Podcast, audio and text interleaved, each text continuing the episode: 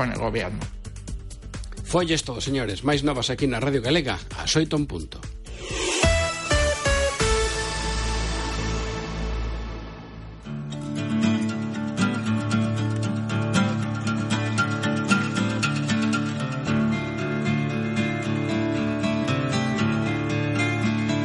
Ola, saúdos e benvidos a esta viaxe polos camiños da historia.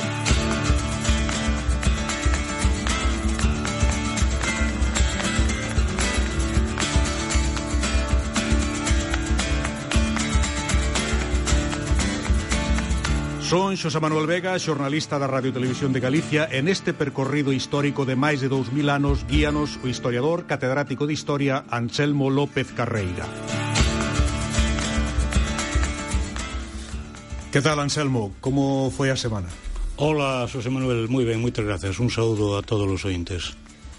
A semana pasada contábasnos como Martiño de Dumio alá mm, a mediados do século VI no reino suevo da Galicia deixou sentadas as bases eh, da organización política e religiosa de alguma maneira de Galicia, non? Acabaches falándonos da derrota dos suevos diante dos visigodos e de como Galicia acaba convertida nunha provincia visigoda finalmente. Se che parece ben, hoxe imos empezar eh, aí, nese momento, e imos transitar polas monarquías feudais dos séculos eh, deses séculos eh, da alta idade media, sexto, sétimo e oitavo, para rematar falando do, dun feito especialmente significativo para Galicia, que ten unha trascendencia religiosa e tamén política, que é o descubrimento eh, da tumba do apóstolo Santiago ao redor do ano 820. Antes de entrar xa directamente no tema, queria che preguntar, teño entendido que ese séculos, desde finais do sexto ata comezos do noveno, son os menos coñecidos de alguma maneira da Idade Media, é así ou non? É así, é así, efectivamente, especialmente en contraste co século VI, do que tiñamos bastante información, o século VII, que se corresponde co período visigodo en Galicia, Galicia provincia visigoda, eh, aínda temos eh, algunhas crónicas, menos información, desde logo, pero a partir do século VII entramos nunha fase de enorme estiaxe documental. A documentación prácticamente desaparece. Eh, en parte, pois, é eh, moi posible que, que se perdesen documentos nas, nas vicisitudes da época, pero tamén hai que pensar que que habría unha escasa elaboración de documentos porque nos atopamos nunha sociedade rural, autárquica, en que os, eh, os elementos de poder público ou Estado prácticamente non existe, entón non se xenera documentación. Como uh, cuestión tamén previa un pouco, queríache preguntar, eh, sempre se di que a Idade Media comeza ca caída do Imperio Romano do Occidente, que foi, se non me equivoco, no ano 476, mm, no século V, Pero supoño que iso tamén é unha convención, porque as eh, etapas históricas eh, son procesos que, por moito que se aceleren, requiren un certo tempo. Eso foi paulatino? Uh, uh, en tal caso, cal sería o elemento eh, definitorio que, que nos dixecho outro día eh, do, do feudalismo e tal, que non era tan fácil definilo, Cal sería o elemento definitorio que nos marcaría a entrada na Idade Media? Como ben dís, é unha convención, ou da Idade Media, ou se unha convención útil, e na súa época foi unha invención. Eh, eh, é dicir que unha persoa que vivise no ano 476 eh, non se enterou máis que a, aqueles que estaban moi directamente implicados, nin se enterou de que fora deposto o derradeiro emperador de Occidente, nin, por suposto, eh, se lle ocurriu pensar que se entraba nun novo período histórico e que además este período histórico iba a ser medio. Eh, é unha invención pois dos homes do Renacemento e dos homes da Ilustración que creeron que mm, o mundo renacía nas luces do de, de finais do século XV, da época do Renacemento, en que volvían os elementos do clasicismo e que ese clasicismo había que atopalo as súas raíces na época greco-romana. Polo tanto, o que iba desde o final do Imperio Romano ata o Renacemento era unha etapa intermedia, eh, fijaos que nome, a Idade Media. Mm, pero non hai, desde logo, desde logo eh, a sociedade do século eh, VI, por exemplo, parecese moito máis a do século V do Imperio Romano que a do século XII ou XIII, non, non ten nada que ver. Pero hoxe unha convención, podemos dicir que útil, porque desde logo hai que periodificar a historia. Eh, hai que hai que coller eh, períodos concretos para podernos dirigir a eles, senón é un auténtico caos. Eh, entón, hoxe vale, nos, a Idade Media. Tésenos dito que a Igrexa e a nobreza eh, foron os dous motores que movían aquela sociedade da Idade Media. Eran eh, dous motores ou eran dous pistóns dun mesmo motor? Claro, a sociedade ten un movimento lento no que participan todos os seres humanos. Pero, como, como tamén eh, é ben sabido, hai momentos en que a historia se acelera, non, non sigue sempre o mesmo ritmo, e estes cambios de aceleración acúsanse moito máis nos sectores dominantes hexemónicos da sociedade. Quen, cal son, cales son os sectores dominantes da sociedade dese período que chamamos Idade Media? Pois os sectores aristocráticos, unha nobreza e unha igresa que son os donos da terra e que son unha minoría dirixente eles non é que eles movan a sociedade, pero eles dirixen a sociedade. Eses séculos, eh, sexto, sétimo e oitavo, son os anos da España visigoda.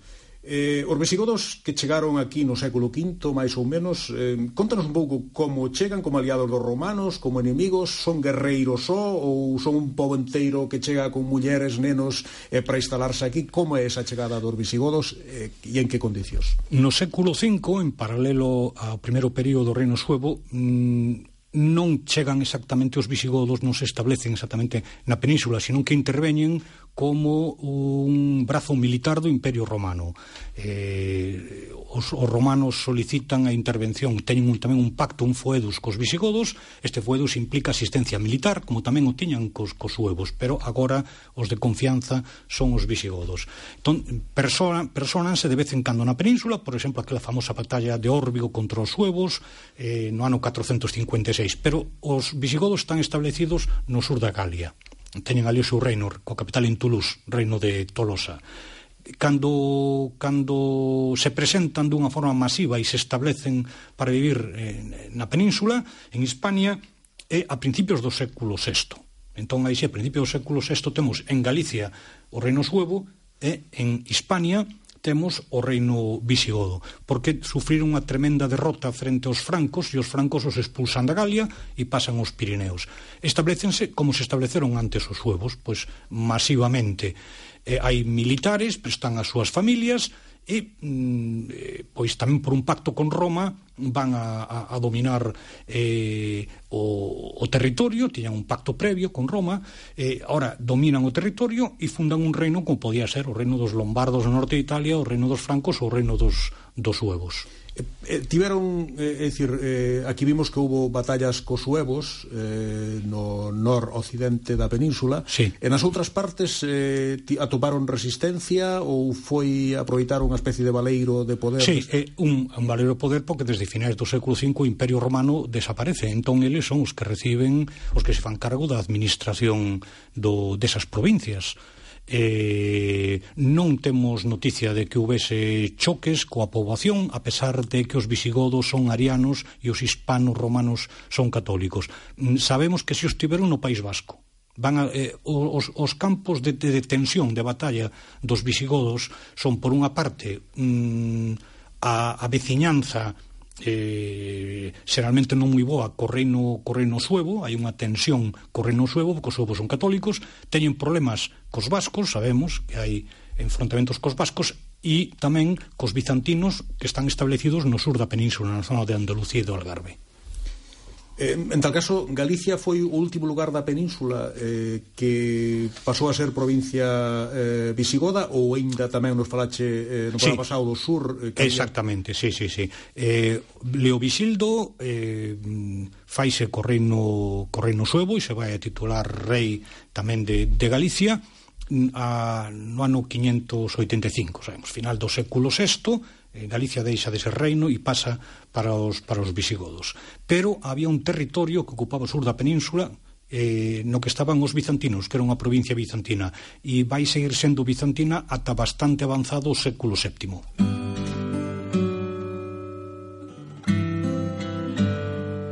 A nós na escola facíannos aprender unha lista de reis godos eh, que empezaba en Ataulfo e remataba en Rodrigo que se dicía que fora o derradeiro rei visigodo a ser derrotado no 711 polos musulmáns que invaden a península polo sur, mm. non?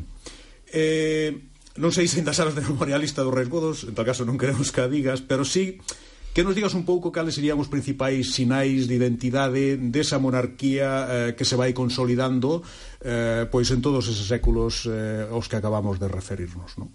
Hmm.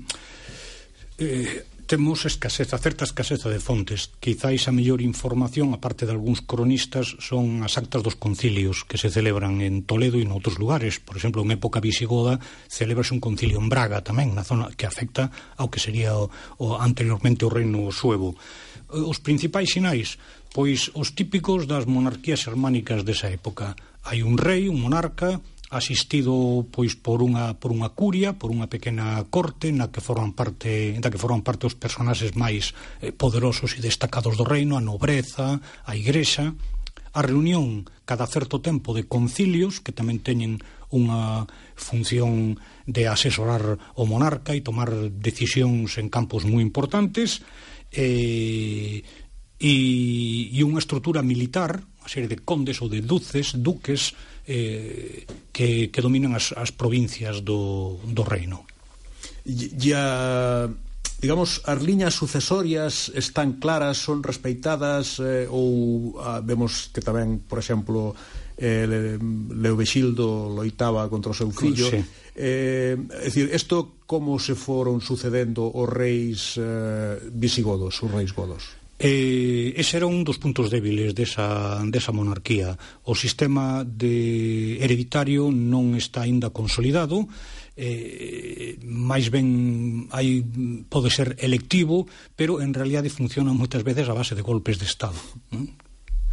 Eh, eh, baixando a realidade da xente do común eh, que eran basicamente xa che que había algúns campesiños libres xa no, no final do capítulo mm. pasado, pero a maioría eran servos, non? A documentación non nos permite saber exactamente eh, porcentaxes, pero cando empezamos de novo a ter documentos, xa na alta de media avanzada, eh, sabemos que existían moitos campesiños que tiñan propiedades eran propietarios de, da súa terra. Mm, eh, combinaríanse os dous sistemas, é dicir, por unha parte, de herencia directamente romana, grandes explotacións con campesiños en situación servil, eh, xa non son fundamentalmente escravos, aínda que a escravitude sigue existindo, pero foi perdendo protagonismo, e pasouse a, a servidume, é dicir, eh, campesiños que teóricamente, xa, vamos, teóricamente na práctica, xa non son exactamente propiedade dun amo, xa non son un obxeto, pero que están ligados á terra. Pero tamén, por outra parte, moitas comunidades de campesiños libres que teñen terras da súa propiedade, que as irán perdendo ao longo da plena Edade Media. E as élites eh, que puderan existir daquela, é dicir, os señores eh, porque é dicir, eh, aceptan a, as monarquías visigodas eh, e o Estado visigodo pola forza ou o Estado visigodo tamén reporta para eles un interese que o fai desexable e fai que o defendan? Sí, sí, sí porque eh, as, as elites do momento que son os grandes propietarios hispanos-romanos non, non van a tropezar con ningún problema cando se instaura a monarquía visigoda, sino todo o contrario, esta monarquía eh, representativa eh, sobre todo destes grandes propietarios. Cando os musulmáns eh, invaden a península no 711, eh, que pasa tanto na parte que van invadido como na parte que non chegan a invadir ou que eh, a invasión parece sí. que foi máis difusa como é o caso de Galicia, non? Claro, claro. Eh, hai unha parte que se islamiza. Vamos a falar máis que de invasión, probablemente de islamización, porque mm, tamén hai, hai un certo debate acerca de como como foi este proceso. Hai unha parte que se islamiza, que é a maior parte da península. E no, no norte quedan uns territorios que non se islamizan. Uns son as zonas pirenaicas, que están en directo eh, contacto con Francia, co reino, co reino franco, e outro é o territorio noroccidental que correspondente a, ao antigo reino suevo que tamén vai seguir sendo católico.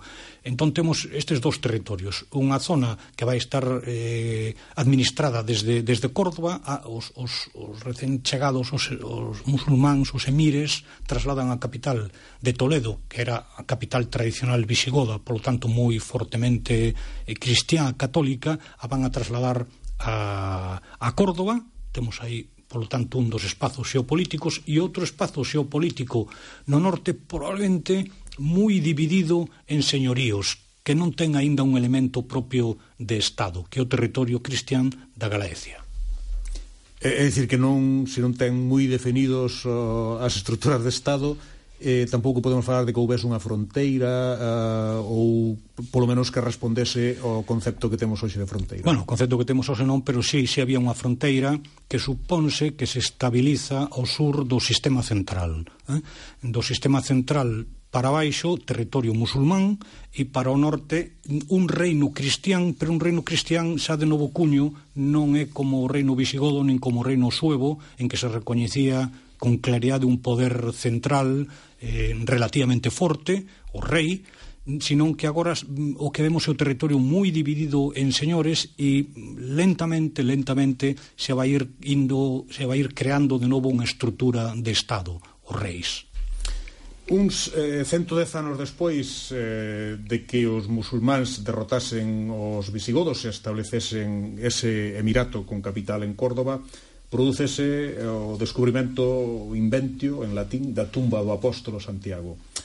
Que pasa para que tanto a xerarquía da Igrexa Católica como a monarquía lle dean a dimensión histórica que lle deron a ese descubrimento? A dimensión vai na ter moi importante, pero este é aínda un, un campo de exploración totalmente aberto. Que o que ocorre eh, a, a principios do século IX. Fíxate que aquí atravesamos este espazo que, que vai desde principios do século VIII, en que se derrumba o reino visigodo, ata 100 anos, eh, ata principios do século IX. Temos ese período oscuro no que casi non hai documentos e porque porque eh, hai unha economía autárquica, ruralizada, porque non hai exactamente Estado, entón non se produce documentación.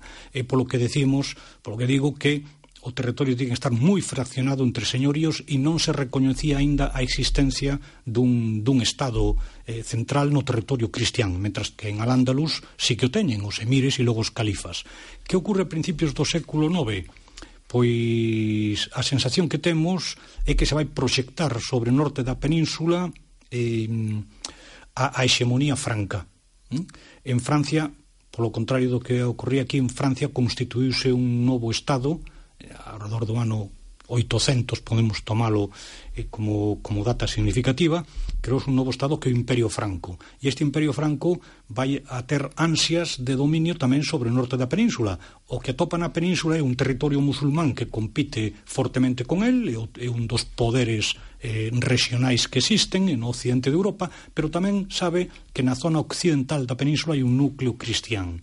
E entón o mundo eh, carolinxio, o mundo franco-carolinxio, o emperador Carlomagno, vai a intervir nesta zona e vai a intentar proxectar o seu poder e esta proxección de poder político eh, vaise plasmar no establecimento dun centro religioso alternativo a Toledo. Toledo está en, en Al-Ándalus. É, eh, eh, o centro cristián mozárabe en Al-Ándalus. Ben, pois a, a proxección do mundo franco pois vaise facer eh, a través da, eh, da figura de Santiago. Música Santiago eh, convértese nunha personaxe fundamental, eh, mitolóxica na cuestión da reconquista. Mm. Que nos falas un pouco eh, de que a reconquista, eh, se é un algo que naquel momento existe conciencia de que estamos empezando unha reconquista ou iso é un proceso que ao largo de, ao longo de 800 anos que votan aquí os árabes eh, os árabes os musulmáns, non? Sí, sí. Eh, non estaba tan claro, non? Efectivamente, eso é unha eh, unha visión ideoloxizada do que está ocurrindo e unha simplificación da historia da nosa Edade Media, o que non se pode reducir a historia de 800 anos a un proceso de reconquista. Eh, primeiro porque había, había que establecer claramente se hubo conquista e, desde logo, se hai reconquista é porque se está restablecendo algo que existe anteriormente, pero que se vai a ir establecendo no mundo medieval peninsular, esa non é un mundo visigodo eh, por máis que posteriormente se intente ligar eh, os, o, o novo reino cristián se intente ligar ao mundo visigodo, pero ese é un proceso de reconstrucción ideolóxica moi posterior. O que está ocurrindo nestes momentos é que mm, con gran intervención franca, como acabo de, de decir, eh, se vai a proceder a unha ruptura co mundo de Toledo. A, mm, eh, a dirección do cristianismo na península, polo menos no reino visigodo, a tiña Toledo, Pero ahora Toledo está en Al-Ándalus, está supeditado ao dominio dos emires e despois dos califas. E entón mm, o, o, a, a operación eh, promovida polo emperador Franco é constituir no, no, no norte da península, no noroeste da península, no territorio dese reino cristián ou dese territorio cristián que está aí, constituir un reino profundamente ligado a Francia. Eh? eh, preséntase baixo un debate ideolóxico contra unha suposta heresía. Se vai a declarar que os, os mozárabes de Toledo, o arcebispo de Toledo, Lipando, é un herexe porque eh, pois a interpretación que fai de novo do problema da Santísima Trindade, unha simplificación, eh, se vai chamar o adopcionismo, din, bueno, eh, o fillo é adoptado polo pai, e se, bueno, isto é unha heresía, Polo tanto, os cristianos do norte da península e eh, de, da, da zona da Galicia van a romper con iso e van a aceptar a ortodoxia que se propón desde Roma e desde, e desde Francia. Aquí aparece a figura de Beato de Liébana, que, que o, o gran abandeirado desta, desta ruptura, e, e rómpese, rómpese cos hereses e se crea un núcleo religioso aquí. Como se lle dá corpo e forza a este núcleo religioso da, da Galicia? Pois descubrindo a tumba dun apóstolo directo de, de Cristo e, e creando unha cidade santa. Aparece a tumba de Santiago, créase a cidade de Santiago, e establecese unha alianza e un modelo de sociedade feudal moi semellante ao francés. Por eso, cando no século XII chegue por aquí Merípico, vai dicir os galegos son os que máis se parecen aos franceses. E por eso tamén o propio rei Afonso II se di que inmediatamente vai a establecer contacto con Carlo Magno, bueno, isto é un pouco lendario, non? Establece contacto con Carlo Magno. Pero o que sí sabemos é que todo o fenómeno da aparición de Santiago e da constitución eh, deste reino cristián que vai ter a súa capital primeiro en Oviedo e logo en León, eh, os reis van a estar ali, pero o centro religioso vai ser Santiago de Compostela, está moi ligado a Francia. E hai no que entender dentro deste debate hexemónico entre o Imperio Franco e o mundo andalusí cordobés. Eh, en tal caso, eh, se non é vero é ben trovato porque, eh, Exactamente, exactamente Porque sí. parece ser que eh, Santiago, o descubrimento o inventio do que fose da tumba do apóstolo foi cru, crucial pro papel que xogou despois Santiago e Galicia na, na Idade Media que xa veremos máis adiante. Desde logo, é eh, crucial, como moi, como moi vendís, certo ou non, se están ali os restos de Santiago, que por certo, por certo, eh, convén aquí traer a colación, que non dixemos no seu momento, que un eclesiástico francés no século XIX dixesne, eh, vai a propoñer a hipótese de que quen está enterrado en Santiago en Compostela non é realmente Santiago que non pudo ser traído aquí con toda aquela viaxe a través do Mediterráneo, sino que está enterrado ali é Prisciliano. Pero eu mm, gustame lembrar o, se, se mo permites, o, o conto de, de Castelao da Princesiña. Hai ali naquela aldea os restos dun castelo e hai a tumba dunha princesiña e os, os paisanos interpretan que, a, é un, que era unha princesa e que morreu de amor. E un, un día chegaron investigadores da cidade abriron aquelo, levantaron a tampa da tumba da princesiña e descubriron na, na zona de, de, de, do, do seu tórax un montón de carabuñas de cereixas e sacaron un informe dicindo non é verdade, non morreu de amor, morreu dun enchente de cereixas e entón remata Castelao dicindo hai homes que non saben calar. Entón, se está Santiago ou non en Santiago, ou se está Pristina en quen sexa, o fenómeno xacobeo vai ter unha importancia enorme de tipo económico, cultural, de relacións de Galicia co resto de Europa, en fin, que se proxectan ata o se mesmo. Do esplendor desa Galicia medieval, da chamada era compostelá, xa falaremos cando, chegue, cando cheguemos a ese punto. Antes, a semana que venimos falar, eh, mm, se estás de acordo, de dúas realidades sen as que non se pode entender como xa deixamos a Galicia medieval ni ningún dos seus esplendores. Vamos falar dos foros e dos mosteiros e dun home con moito poder nos foros e nos mosteiros, o que pasaría a historia como San Rosendo. O poder político e religioso de Rosendo e dos Mosteiros eh, non se pode entender sen as rendas e sen os foros, non? Efectivamente, efectivamente. Eh, toda ese, esa floración cultural que vai dar lugar á chamada era Compostela baséase nun, eh, na creación dun excedente agrario e dunhas condicións de vida pois aceptables pola maior parte da poboación, tamén da poboación labrega. E ímonos a topar, por unha parte, cos propietarios das terras que son en Galicia, tamén a nobreza, pero sobre todo os frades e, e, e por outra parte os labregos que, que pagan foros. Estamos na Galicia que podemos de, definir de foros e frades. Mais adiante chegarán os fidalgos.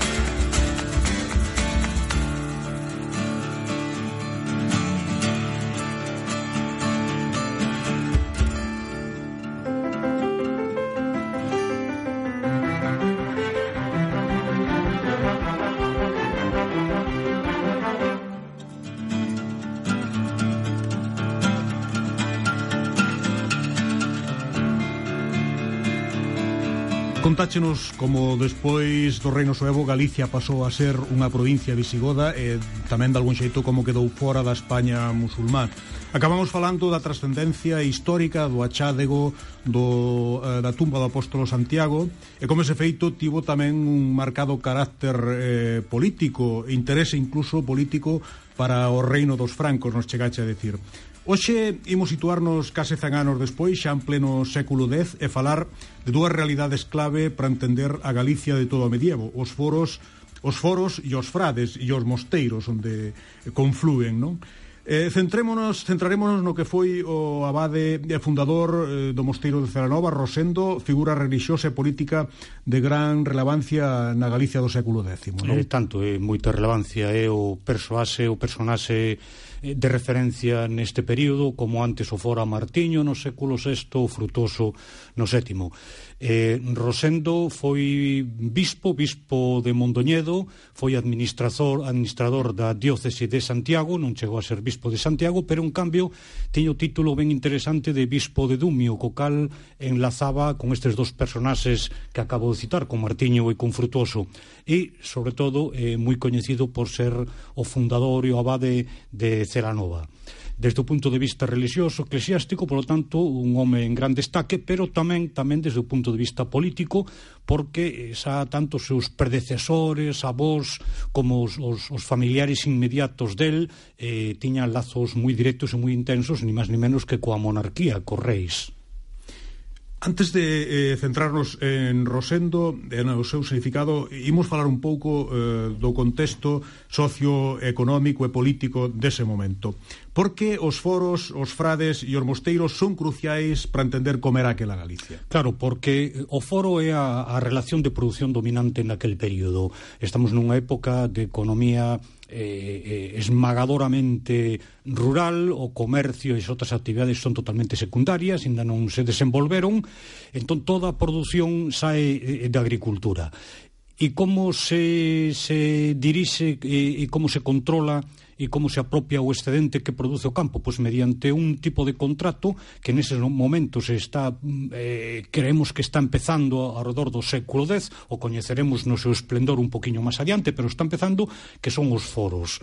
Eh, os, os campesiños traballan a terra, teñen, eh, teñen a, mediante un contrato de foro e os propietarios son precisamente os frades e os mosteiros. Os mosteiros que están extendidos por toda Galicia non farán outra cosa máis que desenvolverse Son os propietarios da terra e ao mesmo tempo, en consecuencia, teñen un enorme poder político.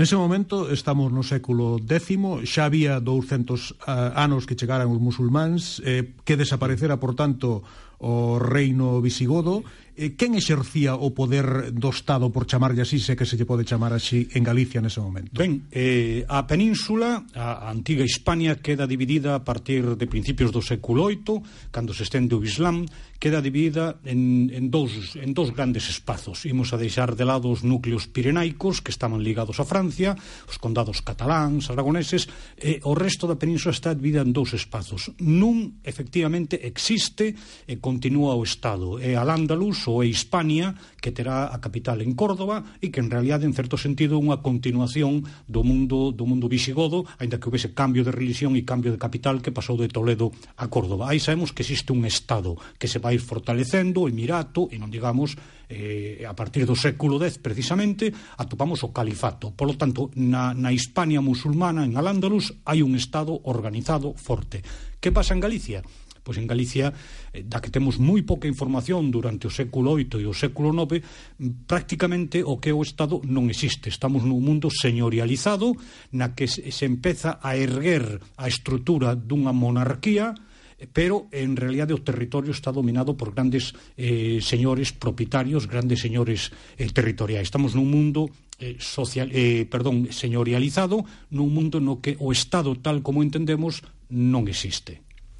Eh, de alguma maneira, o que está claro que Galicia era un núcleo cristián integrado sí. eh, paulatinamente nese xerme de, de monarquía que se chamaría e, e que xa inmediatamente pasa a ter como a cabeza política en Asturias e despois en León. Por que eso? Efectivamente. O territorio, eh, teñámolo presente, o territorio cristián da zona noroccidental da península chamase Galicia.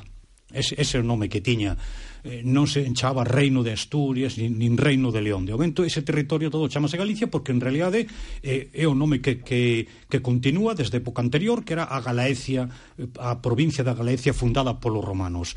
Ahora ben, a capital política vai estar primeiro na zona de Oviedo e despois no século X, eh, que é o que centra o noso capítulo de hoxe, no século X eh, se establece en León. Por que se establece a capital? Por que cando se empeza a erguer unha mínima estrutura estatal eh, de monárquica a capital se establece en cidades que eran prácticamente inexistentes ou descoñecidas, porque na Galicia romana eh, Oviedo non existía aínda como Quívitas e León tampouco. León Legio era eh, a, a capital militar, era o campamento eh, do exército romano.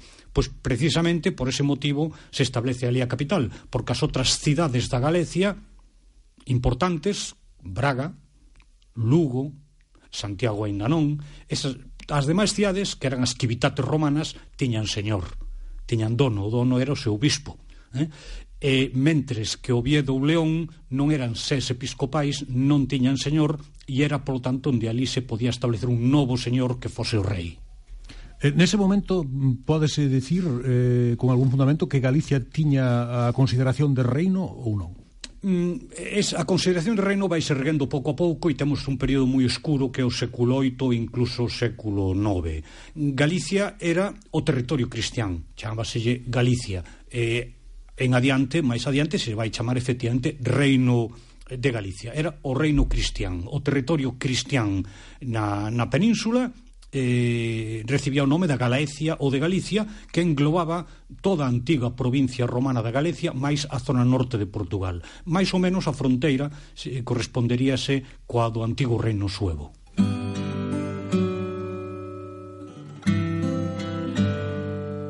Eh, está claro que a élite social e política e económica era a propia monarquía as que saía co apoio, saía da nobreza co apoio ou non do clero, pero non estaba claro que sempre se apoiasen nin cos intereses eh, coincidisen, non? Porque Non. Claro, os intereses non coincidían entre as elites dominantes non coincidían. Eh, podemos establecer unha fronteira entre nobreza e clero. Desde logo a monarquía, os monarcas saían desa nobreza.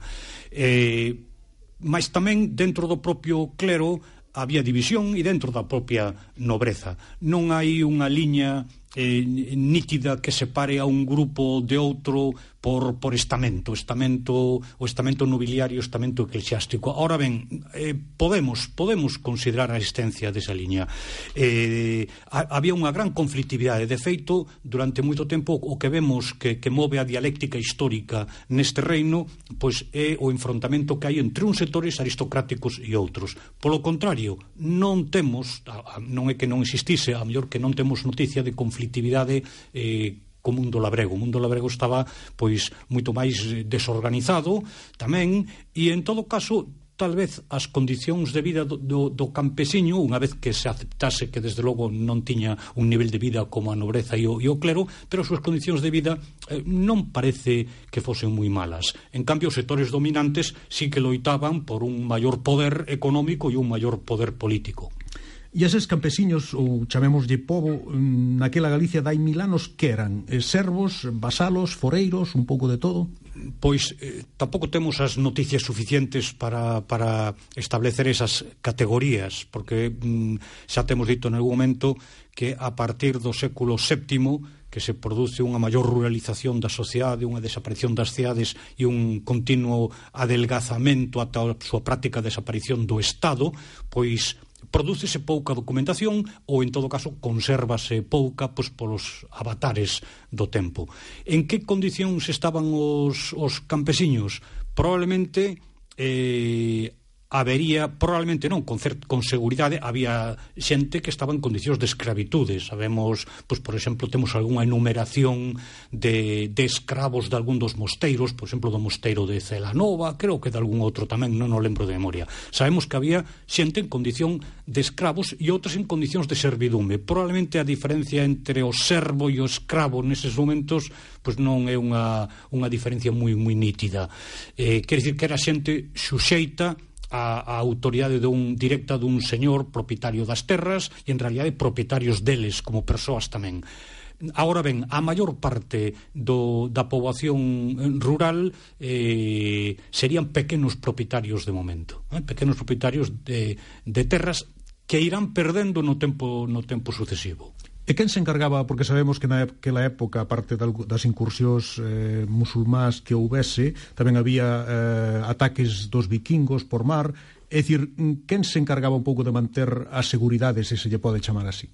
Mm, probablemente os, os ataques dos vikingos fosen máis destructivos e, e se correspondan eh, tamén en maior medida co que nós pensamos que son invasións e ataques de saqueo. Por outra parte, en cambio, as relacións cos musulmáns, co mundo musulmán, con al-Ándalus, era moi variada, eh, había de todo. Claro, as crónicas sempre se empeñan en, eh, eh, en magnificar eh, os aspectos militares, as batallas, pero sabemos que as relacións eran de todo tipo. Pensemos que no século X, eh, concretamente, mm, estamos no apoxeo do mundo cordobés, Estamos na época do califato cordobés e eso exercía tamén un enorme atractivo sobre este pequeno núcleo cristián que desde o punto de vista cultural pois non se podía comparar. Entón había de todo. Eh, as relacións en cambio co mundo normando eran peores, sabemos que eran ataques que tamén tiñan moitas veces un trasfondo político, non eran simples racias, simples saqueos, eh? pero eh, eh tamén se proxectaban desa maneira. Eh, Quen se encargaba de defender mm, a, eh, na división da sociedade eh, medieval esa función eh, corresponde á nobreza. A nobreza son os, eh, os guerreiros, son os, os militares, son os que teñen a función de defender. Ahora ben, tamén os mosteiros e tamén o, o clero podía exercer esa función desde o momento en que eles eran señores jurisdicionais e, e tiñan a, a obriga de defender eh, o povo Mm, eh, de feito, coñecemos grandes personaxes militares que ao mesmo tempo eran bispos. Pensemos no bispo Sisnando no século IX, que morreu dunha saetada loitando precisamente contra os vikingos, contra os normandos, o propio Cresconio no século XI, o propio Xelmírez tivo tamén unha gran función militar. E por que os mosteiros eh, se converten nos grandes propietarios de terras agrícolas eh, en Galicia, non sei se xa no século X e a partir de entón. Sí, sí, desde que se fundan os mosteiros son grandes propietarios.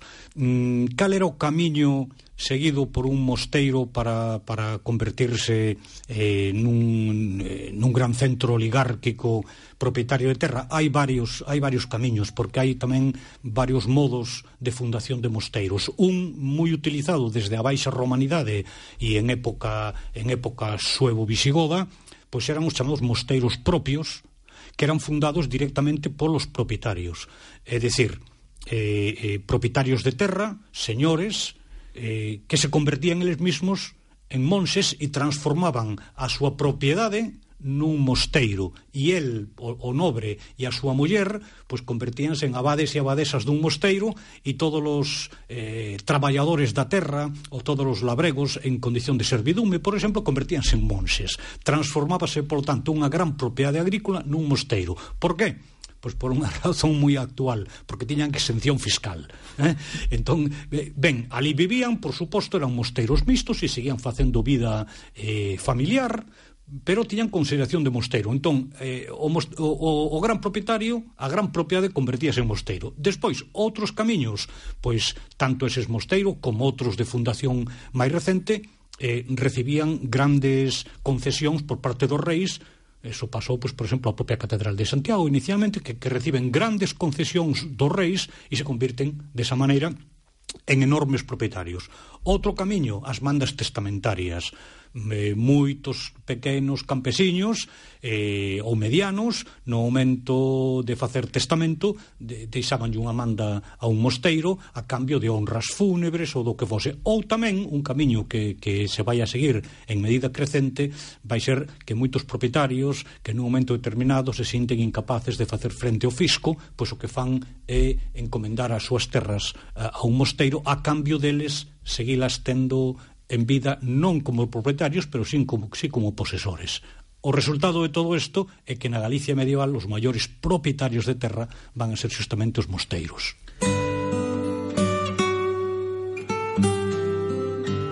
Xa nos dixeche que eh, o poder dos mosteiros eh, nace eh, do aluguer, chamemos así, dese contrato peculiar de alquiler sí. que é o foro, no que os eh, campesiños a cambio de traballar a terra por un período bastante prolongado teñen que pagarlle unha parte en especie o, o mosteiro, o propietario, sí, o propietario sí.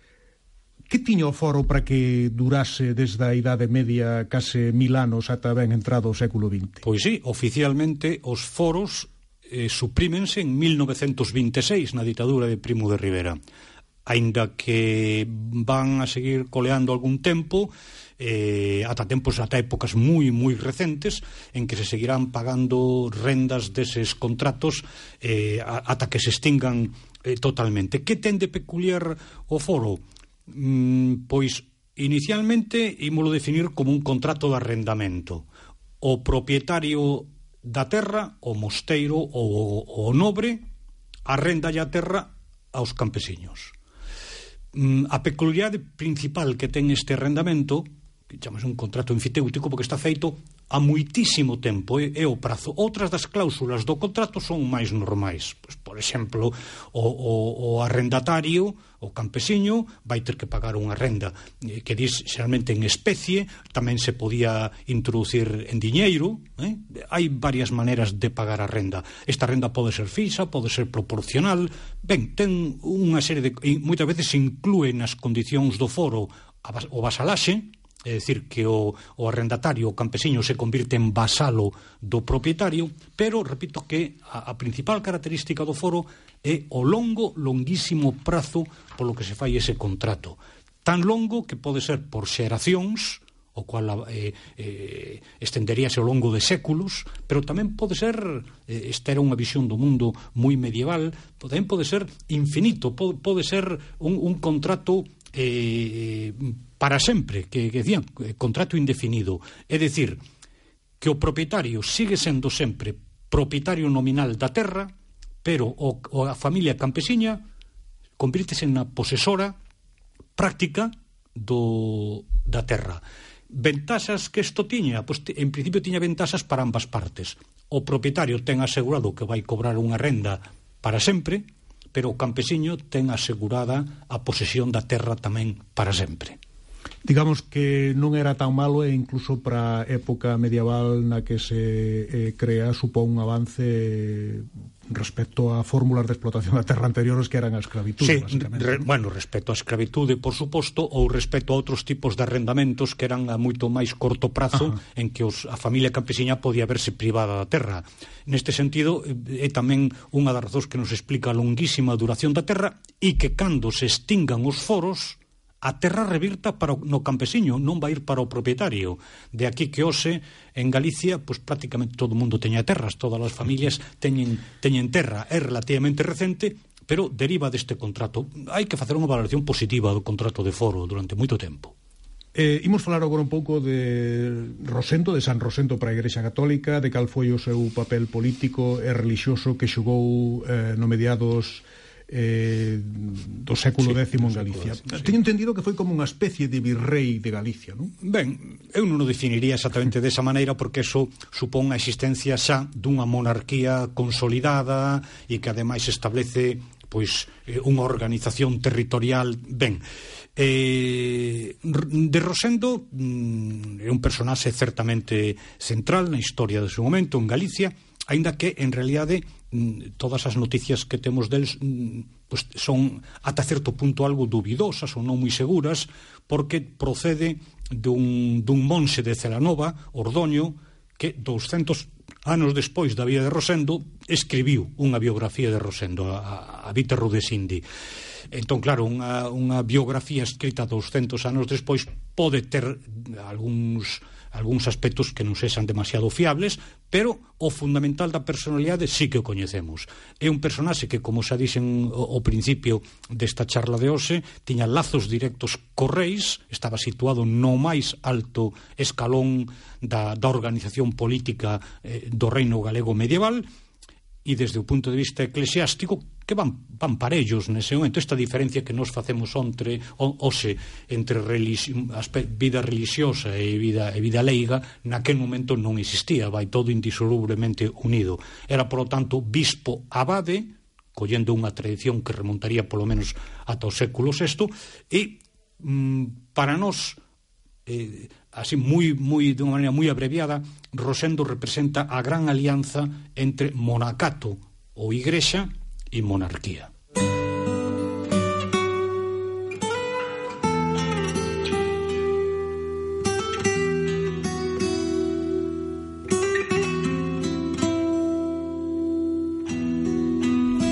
Eh, non sei se Rosendo deixou algún escrito, polo que nos dixeche del escribiron outros monxes. Mm Pero mosteiros sí que foron durante moitos séculos os principais centros do saber e da cultura. Cal foi o seu papel sí, nese campo? Concretamente de Rosendo como autor eu non teño noticia, creo que non, non é que non escribise, senón que de facelo non nos queda nada. En, sí sabemos, en cambio, que tiña unha moi importante biblioteca que vai doar ao mosteiro que el funda, que é o mosteiro de Celanova. Era, polo tanto, un home un home que tiña unha gran formación eh, intelectual eh, mm, cal era a importancia dos mosteiros? É xa sabido que os mosteiros eran os centros de irradiación da cultura durante moito tempo.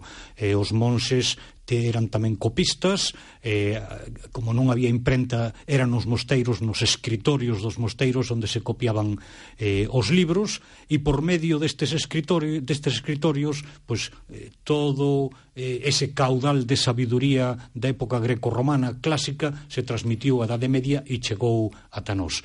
Mm, eh, non perdamos de vista tamén que estamos falando dos, dos mosteiros do século X e despois dos mosteiros eh, cluniecenses e cistercienses, mas tamén cando se sumen os, os os mosteiros benedictín, perdón, os mosteiros mendicantes no século XIII, tamén estes mosteiros de franciscanos e dominicos van ser grandes transmisores da cultura e da ciencia, por exemplo, da medicina. Mm? Non sei se eh, un sucesor digno de na importancia e na relevancia de Rosendo podría ser eh, Diego Xelmírez, que é do que imos falar a, a semana que ven no vindeiro programa.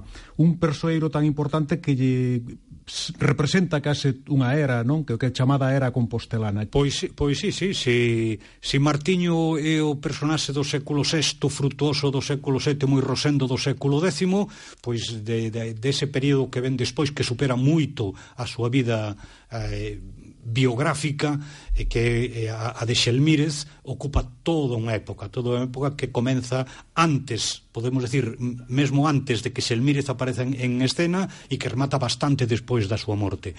Mm, correspóndese con ese período que chamamos a plena Edade Media. A plena Edade Media en Galicia pois podémola, podémola nomear a era compostelán que a época de Xelmírez. Digamos, todo o período de construción da Catedral de Santiago e incluso das grandes catedrais de Galicia. Ben, pois de Xelvírez eh, desa idade media plena e da era compostelá falaremos a semana que ven. Moitas grazas, Anselmo. Moitas gracias, ata a semana que ven. E moitas grazas a todos vostedes e feliz semana.